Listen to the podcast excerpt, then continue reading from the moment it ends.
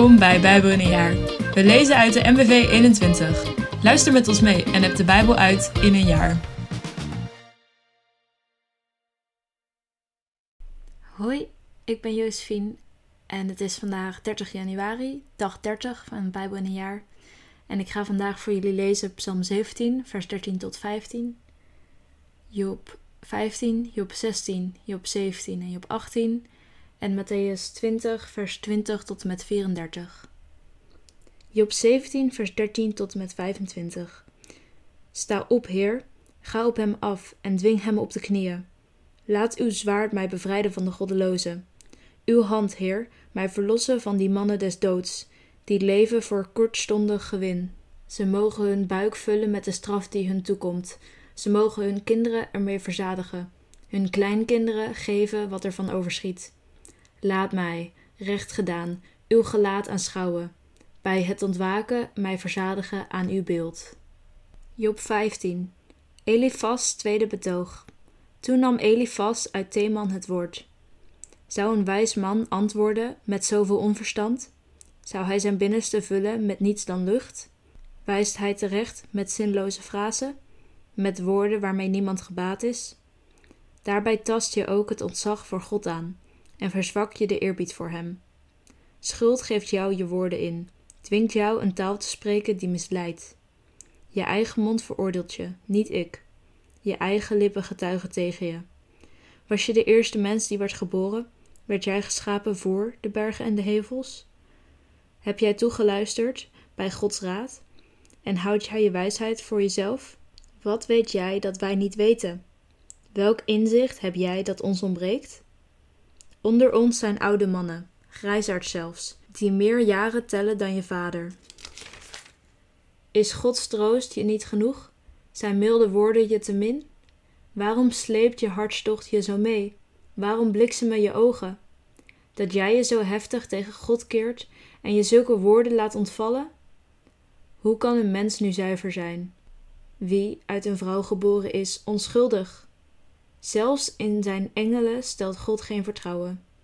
Ook de hemel is niet zuiver in zijn ogen. Hoezeer wordt dan de mens verafschuwd, die verdorven is en het kwaad als water drinkt. Nu zal ik spreken, luister naar mij. Dit heb ik gezien en ik vertel het je. Dit is wat wijze mannen zeggen, wat door hun voorouders onthuld is, aan wie als enige het land gegeven werd, voor er vreemdelingen onder hen verkeerden. Een goddeloze brengt zijn dagen door in angst. Een despoot alle jaren hem toebedeeld. De stem van de verschrikking buldert in zijn ogen. Zelfs in de tijd van voorspoed dreigt hem de verwoester. Voor hem geen hoop op terugkeer uit de duisternis. Hij zal vallen door het zwaard. Hij dwaalt rond op zoek naar brood. Waar is het? Hij weet dat de dag van duisternis hem wacht. Tegenspoed en angst benauwen hem overweldigen hem als een koning die ten strijde trekt. Want hij heft zijn hand op tegen God. De ontzagwekkende wil hij trotseren. Uitdagend stormt hij op hem af, de, de knoppen van zijn schild vooruitgestoken. Zijn gezicht is ingesmeerd met vet. Zijn lendenen zijn met vet bedekt. Hij zal wonen in verwoeste steden, in huizen waar geen mens meer woont, in huizen die tot pijn vervallen. Hij vergaat geen rijkdom, zijn vermogen houdt geen stand. Zijn bezit vergezelt hem niet naar het dodenrijk. Hij zal niet ontkomen aan de duisternis. Zijn loten worden door het vuur verdelgd. Ze verzengen in de adem van Gods woede. Laat hij niet vertrouwen op bedrieglijke schijn, want bedrog zal ook zijn loon zijn. Dit valt hem voor zijn tijd ten deel. Zijn takken blijven zonder loof. Hij is een wijnstok die onrijpe druiven afschudt, een olijfboom die zijn bloesems afstoot. Onvruchtbaar is het samenspannen van de goddelozen. Vuur verteert de huizen van bedriegers. Zij verwekken ongeluk en baren kwaad. In hun schoot groeit het bedrog. Job 16. Jobs antwoord op Elifas tweede betoog. Hierop antwoordde Job: Dit soort dingen heb ik al zo vaak gehoord. Niets dan ellende brengt mij jullie troost. Een eindeloze stroom van lege woorden. Wat drijft jou ertoe zo tegen mij te spreken?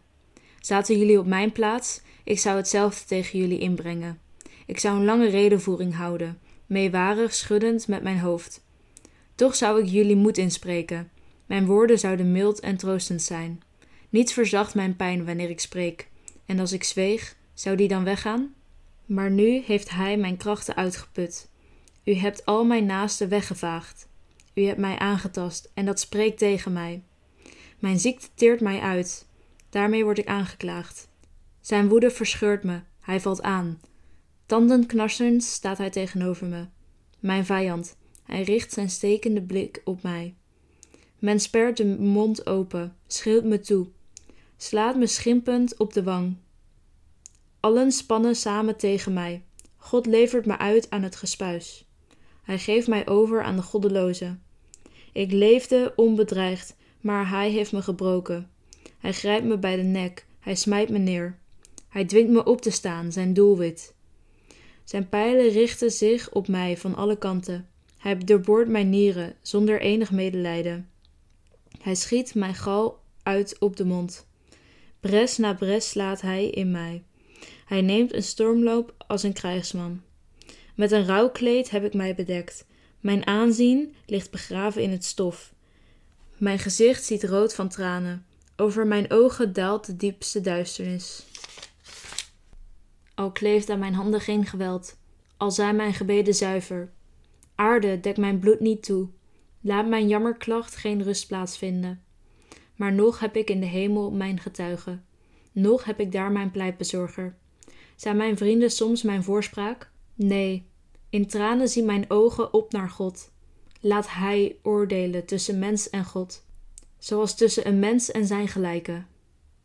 Nog enkele jaren resten mij, voor ik het pad zal gaan waarlangs ik niet terugkeer.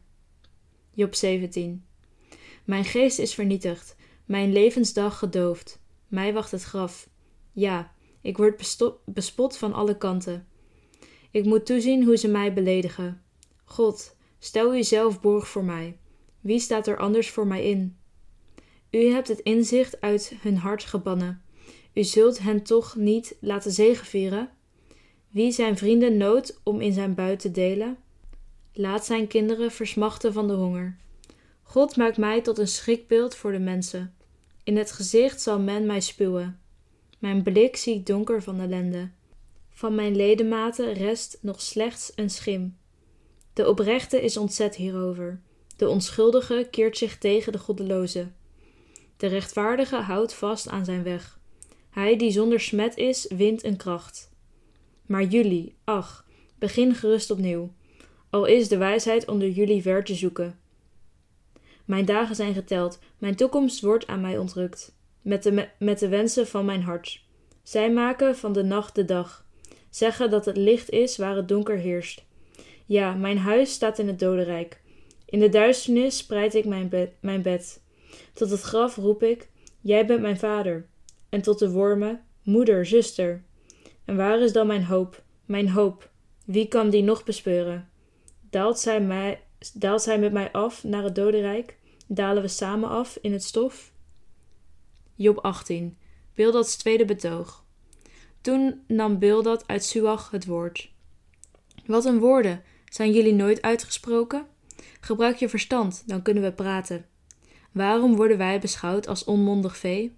Waarom doen jullie alsof wij onnozel zijn? Jij verscheurt jezelf in woede. Wordt om jou de wereld dan doorheen geschud? Wordt om jou één rots van zijn plaats getild? Heus, het licht van de goddeloze dooft. De gloed van zijn vuur vlamt niet meer op. In zijn huis wordt alles donker. Het licht dat hem omringde dooft. Vanzeker wordt zijn tred krampachtig. Zijn boze opzet laat hem struikelen. Zijn voeten voeren hem ten val. Een net verstrikt hem op zijn weg. Een klem grijpt om zijn hiel. Een strop houdt hem gevangen. In de grond is voor hem een touw verborgen. Over zijn pad een strik gespannen. De verschrikking staart hem allerwege aan en jaagt hem voort bij elke stap. De honger put zijn krachten uit. De rampen wijken niet meer van zijn zijde. Huid en leden worden aangevreten door de dood, door zijn eerstgeborene verteerd. Aan de veiligheid van zijn huis ontrukt, wordt hij gevoerd naar de vorst der verschikking. Verwoesting treft zijn bezit. Zijn woning wordt bedolven onder zwavel. Zijn wortels verdrogen in de grond. zijn takken verdorren in de lucht. Zijn nagedachtenis op aarde zal vergaan. Niemand zal nog weten wie hij was. Uit het licht wordt hij het duister ingeworpen. Hij wordt uit de wereld weggestoten. Hij heeft geen kinderen. Niemand draagt zijn naam. Waar hij woonde zijn geen overlevenden. Jonge mensen zijn ontzet over zijn lot. Zijn ondergang doet oude mensen huiveren. Zo vergaat het het huis van de boosdoener. Zo vergaat het de woning van hem die God niet kent. Matthäus 20, vers 20 tot 34.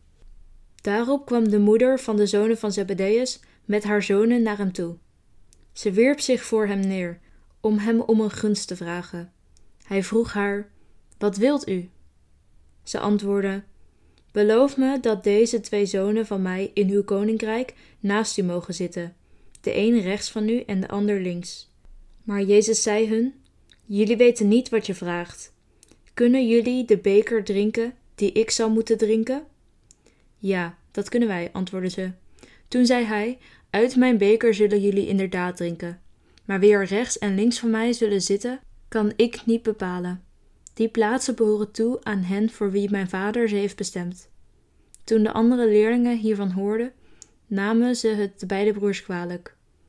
Jezus riep hen bij zich en zei: Jullie weten dat heersers hun volken onderdrukken en dat leiders hun macht misbruiken?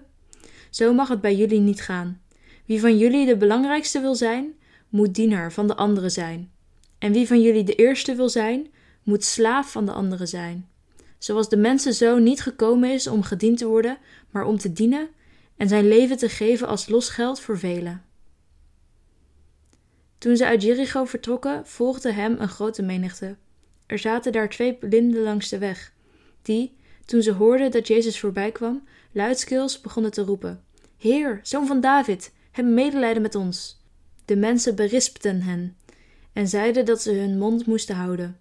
Maar ze riepen nog harder: Heer, zoon van David, heb medelijden met ons. Jezus bleef staan, riep hen bij zich en vroeg: Wat wilt u dat ik voor u doe?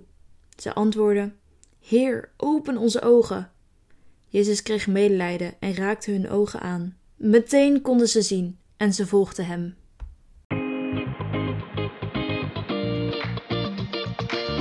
Bedankt voor het luisteren allemaal. Nog een gezegende dag en tot morgen.